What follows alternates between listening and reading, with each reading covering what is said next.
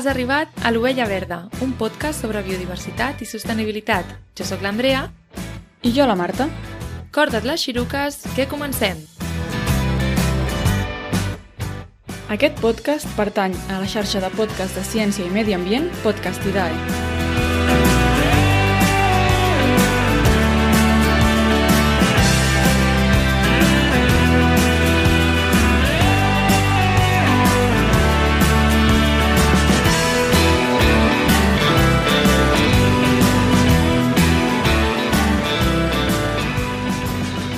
Ens seguiu a les nostres xarxes socials, segur que ja sabeu que un dels nostres grups d'animals preferits són els ocells, potser perquè són molt fàcils de veure i de seguida si t'hi fixes, siguis on siguis, en pots veure algun o altre.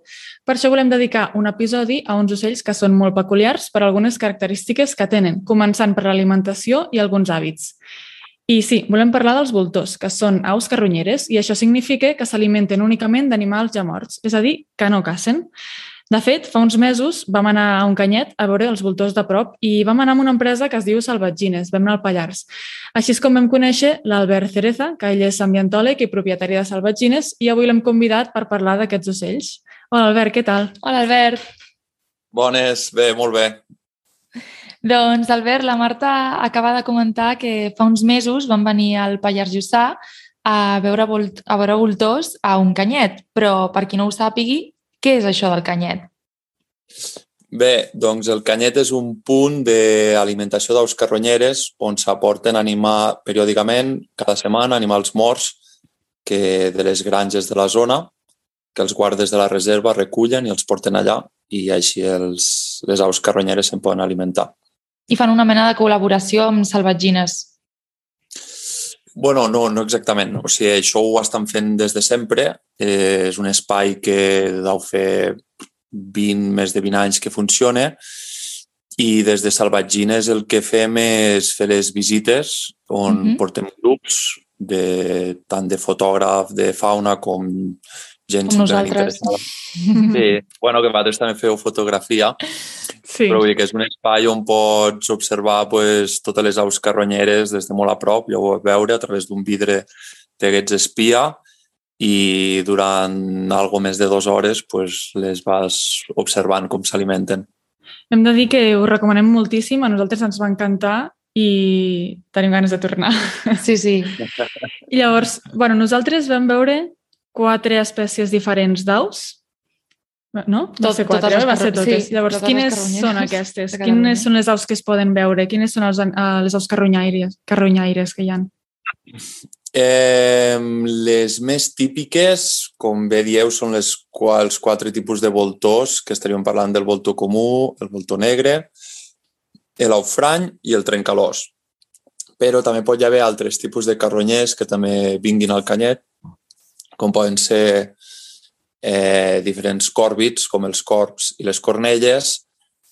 Mm, a vegades pot vindre el milà negre, el milà reial, que també són mm. una mica carronyers quan poden, i altres animals que no són ocells, com les, la guineu, que a vegades mm -hmm. també venen a pispals i algo als voltors. I aleshores és superinteressant perquè veus com, com s'esbatussen o com la guineu entra, els, els mossega o els espanta, els ocells s'aparten una mica els voltors, els agafa un, algun tros de carn i marxa corrent. És molt, molt guapo. I, I dels voltors, clar, una cosa que nosaltres vam veure era que és veritat que vam identificar un ordre d'arribada. No arriben tots alhora, sinó que van arribant com a, a moments, no? Primer arriba una espècie, després arriba una altra. Com va això? Quina és, les, la, quina és la primera espècie que arriba i, i per què? I, I les altres, amb, quina, amb quin ordre van arribant? Eh, sí, com comentes, Marta, arriben com esglaonadament i... In... O sigui, al canyet, bàsicament, primer arriben els voltors comuns. Eh, és una jerarquia, és un, com una jerarquia a l'hora de, de l'alimentació, també va en funció de que cada tipus de voltor pues, menja d'una manera determinada però encara puntualitzaria que si això passés al mig del bosc, per exemple, que s'ha quedat un animal mort, inclús abans de que ho trobessin els voltors comuns, segurament serien els corps els que primer ho trobarien, començarien a voletear per allí sobre els arbres, aleshores els voltors comuns els veuen i aleshores arriben els voltors comuns. bueno, el canyet directament ho veuen els voltors comuns i arriben, són ells els primers en arribar. Des, ells s'alimenten eh, de les parts toves de l'animal, vull dir, ells no tenen gaire força al bec i el que fan és fer un forat, posen el cap cap a dintre i es mengen totes les parts toves de dins de l'animal. Poden començar parlant-nos, per exemple, no? Sí, o, sí, per darrere o al final sí que estirant li poden fer un forat aquí a, a l'estómac uh mhm. -huh. eh, i a partir d'allí pues, per això tenen el cap pelat perquè posen el cap fins a dins de tot, se mengen totes les parts toves, tenen una rotació, vull dir que quan uns han menjat és que des de fora sembla caòtic perquè hi ha com 70 voltors menjant-se una ovella i dius, ostres, quin ordre hi ha aquí? Estem parlant de voltors comuns. Doncs sí que hi ha un cert ordre, que és quan uns, basat en la en, en l'agressivitat que tenen entre ells, perquè es van esbatussant mentre es mengen, i com més gana tenen, doncs més, més pressionen no? al resto de companys. Aleshores, quan uns, uns ja han menjat, doncs els altres ja els, els aparten, els fan fora i aleshores tenen aquest tipus de rotació. Bé, un cop han anat menjant els voltors comuns, que com he dit es mengen les parts toves, van entrant el voltor negre. El voltor negre és més gros, eh, per tant, mm, pot fer fora, pot apartar els grups que hi hagi per allí de voltors comuns i ell agafa, sempre agafa un tros de carn doncs, més dura, que normalment els voltors comuns ja no s'ho mengen allò, com serien pues, trossos de pell o mm. ossos que tenen pues, tota la pell, tots els tendons i això, i té molta més força el voltor negre, aleshores ho, ho agafa, com vam veure aquell dia, no? ho agafa mm -hmm. amb les potes i amb aquell bec ho va esguinçant tot, no? tots aquests trossos molt més durs que els voltors comuns això no, no poden aprofitar. Clar, el, el voltor comú no s'ho menja perquè no pot físicament, diguem, no té aquesta força necessària. Al bec Exacte. i a les urpes, no? Exacte. Mm. Aleshores, precisament, el voltor negre, al sí tindre aquesta força a les potes i al bec, ell menja des de fora ell pot anar esguinçant tota la, vale. la pell d'un animal, hem de pensar que sí. la pell no és com la nostra, que és molt fineta, no? Són pells dures, la pell d'una vaca, d'una ovella. Pues I per això té més plomes, té més plomes al claro. coll i no com el voltor comú claro. que, que està més pelat de plomes per sí. poder entrar al cap. Ah, té totes aquelles plomes al voltant del cap que li van veure, que li donen un, un toc així com més elegant sí. i, i sí, molt més majestuós i bueno, doncs perquè ell menja així. Eh, són molt més escassos els voltors negres. De fet, l'única colònia reproductora de voltor negre a Catalunya i a tot el Pirineu i Prepirineu i tot l'est de la península està a Boumort, on vam anar nosaltres. Mm -hmm. És l'única colònia. Sí, sí, sí. És l'única colònia que s'està reproduint. I, bueno, bé, eh, després de tot el bullici de quan han vingut els voltors comuns, comencen a vindre voltors negres, però en molt menor nombre. Venen, pot arribar a vindre, doncs no sé, de 5, 6, 7, 8, 10 individus, màxim 12, mm -hmm. els dies que en venen molts, però clar, estem parlant que de voltors comuns potser n'han vingut 200, ja ho vau veure. Sí, sí. Venen moltíssims. bueno, i seguint l'ordre, aleshores aquí ja va, venen els aufranys, que quan la cosa es comença a relaxar una mica, que vol dir que els voltors comuns ja han acabat de menjar, el voltor negre pues, se va menjant aquestes parts dures que hem comentat, pues, els aufranys, que són molt més petitets, són del tamany d'una gavina, també són blanquets, eh, van passejant per allà al mig, però evitant el, les aglomeracions de voltors, perquè ells són molt més petits i els hi fotrin una picada eh, però van passant discretament per allí i aleshores se van menjant les engrunes que han deixat, no? perquè mm. després de passar tants voltors per allí doncs van quedant engrunetes de carn i amb el bec de l'aufrany, que és molt finet, doncs es va, es va, va escurant. No? És, la seva feina és la d'escurar tot el que quedi. I ja està, explico... Bueno, explica, explica de... No, no, explica per què tenen la cara groga. els eufranys. Ah, per cert, un incís. Uh, clar, ara els estem descrivint i tal, però si voleu veure fotos, nosaltres tenim a uh, les nostres xarxes fotos de quan vam anar al Canyet, i si els hi voleu posar cara als diferents voltors, podeu anar a ullejar. Sí, mentre escolteu allà. el podcast. Sí, sí. Jo vull que comentis, si us plau, perquè crec que ho vaig descobrir allà, o si ho sabia no me'n recordava, que per què tenien la cara groga, tan groga els eufranys. Doncs tenen la cara groga perquè se'ls hi van acumulant els carotenoids que hi ha a les femtes dels animals. Són copròfags, que això vol dir que mengen caca, excrements, i se'ls va acumulant, no? Els, tot, sí. els, hi va, els hi va pigmentant la cara. I que no, gens, que... no és gens nutritiu, o sigui, que ho fan per una altra raó. No, sembla ser que és més per una qüestió estètica i també per demostrar que, que, que són resistents, no? que poden que poden alimentar-se d'excrements i, i, i estan forts igual. Vull dir, també és una qüestió així, de, de demostrar vitalitat i sobretot que la, el groc de la cara els ajuda a l'hora de, de trobar parella. Mm -hmm. Continuem amb el meu preferit, si us plau. És que abans ah, vale. hem parlat a veure de, de quins serien els nostres voltors preferits i a mi m'agrada molt el voltor negre, però l'Andrea va al més vistós, que és l'últim que arriba. El més mainstream. Que quin és, Albert? Sí, és el trencalós, és el trencalós, que és el... Sí, realment és molt maco. Eh, del trencalós doncs hi ha mil, mil particularitats i anècdotes que té l'espècie, perquè és una espècie molt curiosa. Clar, per què arriba? En, en primer lloc, per què arriba l'últim? Sí, això pot ser el més característic, perquè s'alimenta de lo que la resta no volen, que són els ossos. Uh mhm. -huh. Literalment només menja ossos. I no es menja lo de dins, o només lo de dins. Se l'empassa sencer. I tot el que se'n passi, tot l'os sencer, tot allò ho desfarà amb els seus àcids estomacals i, i després el calci o l'excés de calci de l'os ho treu en forma de gagròpila per la boca, més endavant, però tota la part proteica que tingui l'os pues, serà el que l'alimentarà. Què passa quan l'os és més gran, per exemple, pues és una tíbia sencera de cèrvol o alguna així mm-hmm. gran, pues que se l'endú amb les potes, se'n va volant cap a la muntanya i el llança des de dalt cap a les roques per a trencar-lo el trenca en fragments, bueno, es trenca en fragments l'os i els, tots aquests fragments se'ls se menja tots. Penseu que es menja fragments de gairebé 20 centímetres oh. de llarg, vull dir, és espectacular. Mm -hmm. no um, flipa que, el, que pugui desfer ossos. Ja. és, jo trobo que també és molt majestuós i crec que l'iris no sé si l'iris o no sé si es diu així exactament, però o l'anell ocular, potser, el que, té, el que té vermell, es diu així, ara no ho sé. Uh, a mi, no sé, m'agrada molt la seva mirada i el seu bigoti.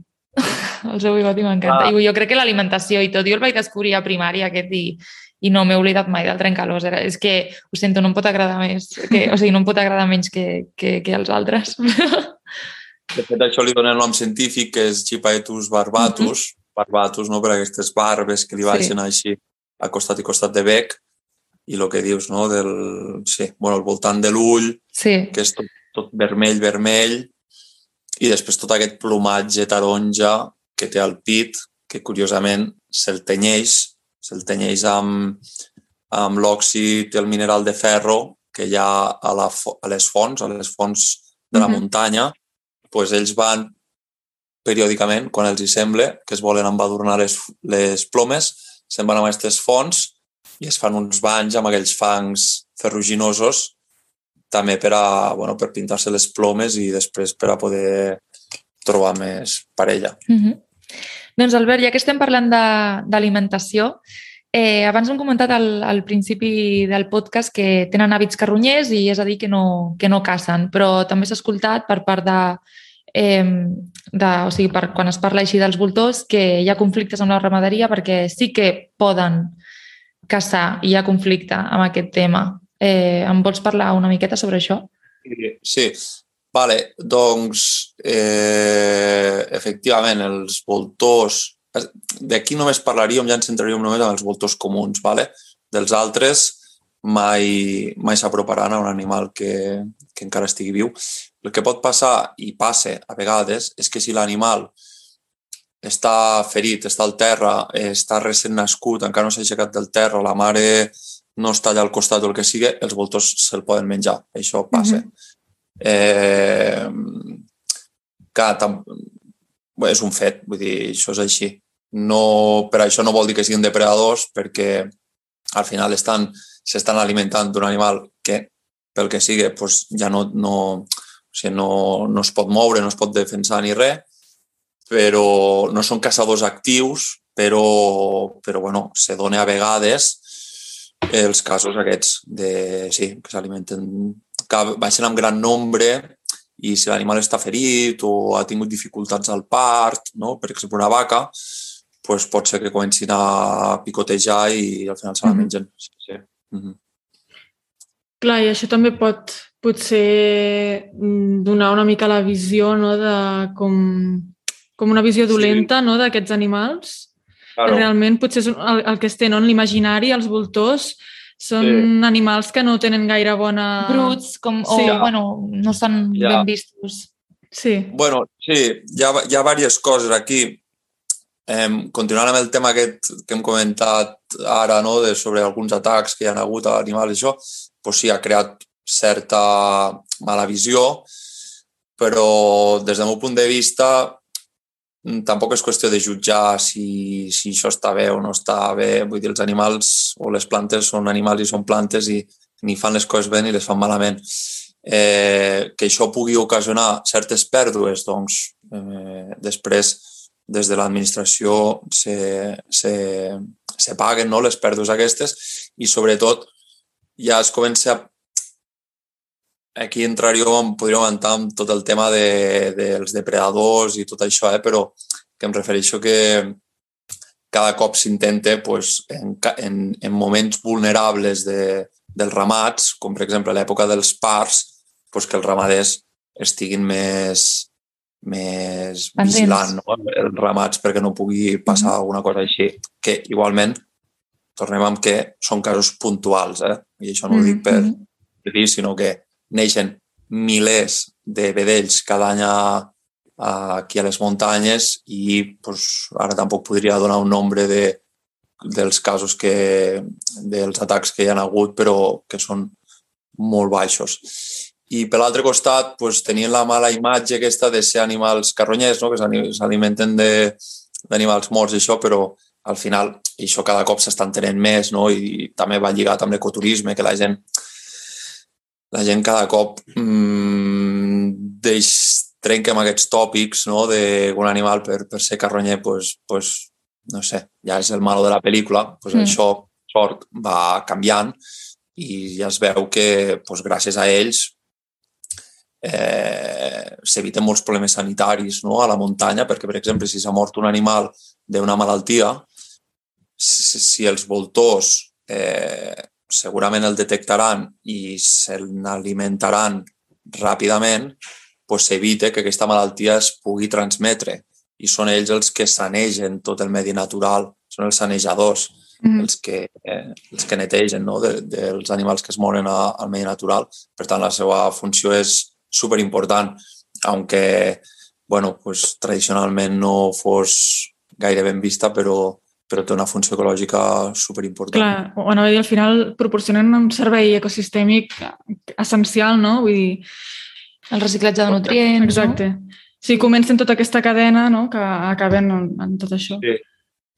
Amb això podríem, podríem també explicar que diríem que aquesta és la forma natural, la, la que ha passat sempre, mm de que els animals, quan se morien a, en un ramat, no? en una granja, pues, el ramader pagès-pagesa eh, deixaven l'animal normalment en alguna zona així fora del poble, que això eh, són els canyets tradicionals o els muladars, que es diu en castellà, i és on se després els carronyers, tant voltors com guineus, com els llops, etc., pues se n'anaven a alimentar. Tot això pues, ja va canviar a partir dels anys 90, a partir de les malalties aquestes, de les vaques boges. Sí, va haver no una epidèmia, vam llegir. Va haver una epidèmia que no sé si, si ho recordareu de com va anar la cosa, però era precisament perquè als pinsos de les vaques lleteres els hi donaven pinsos adulterats amb restes càrniques i això els desenvolupava, com animals herbívors que són, els desenvolupàvem aquestes malalties. O sigui, no tenia res a veure amb els animals que es deixaven al medi natural. No. Però allò que diuen, no, el dicho aquest de Río revuelto grances de pescadores, pues aleshores se va crear aquestes normatives, es va aprofitar això per crear aquestes normatives de que no es pogués deixar cap animal al medi natural. Mm. I, I aleshores hi ha unes empreses que es dediquen a, a recollir eh, tots els animals que es moren i els porten a bueno, unes plantes on els incineren i tot això. A veure, això a les grans granges se pot entendre, no? Però els animals que es moren aquí a la muntanya, al medi natural, pues, tenien una funció molt important per les comunitats de carronyers, descomponedors, etc. I això de sobte pues, va quedar tallat, perquè aleshores ja no es podia deixar cap animal en el medi natural, res i va ser arran d'això que ja es va començar a dissenyar pues, certs canyets, com en aquest cas el de Beaumort, que porta potser més de 30 anys, em sembla, ja en funcionament, i per a, bueno, per, per, també per, per protegir, bueno, perquè les comunitats de carronyers tinguessin disponibilitat d'aliment. Mm -hmm. Una història bastant sí. això, però és interessant. Sí, la veritat és que és un tema molt interessant, com tots els quals hem parlat, que de fet han sortit tots, eh, els quals volíem comentar i per fomentar eh, aquesta visió positiva o canviar-la eh, o aportar aquests comentaris de, de valor no? i posar-los posar en valor tots els, els serveis ecosistèmics que, que ens donen els voltors, trencalossos, aufranys. Així que moltíssimes gràcies, Albert, per, per venir a aquest, a aquest, a aquest episodi, a aquest podcast i, i parlar-nos sobre aquestes aus tan, tan especials i tan singulars. pues, merci a vosaltres també per convidar-me i, i encantat vull dir, de divulgar tots aquests temes i espero tornar-nos a veure allà dalt. I tant. I tant, i tant. Gràcies. Gràcies, Albert. Adéu. Adéu.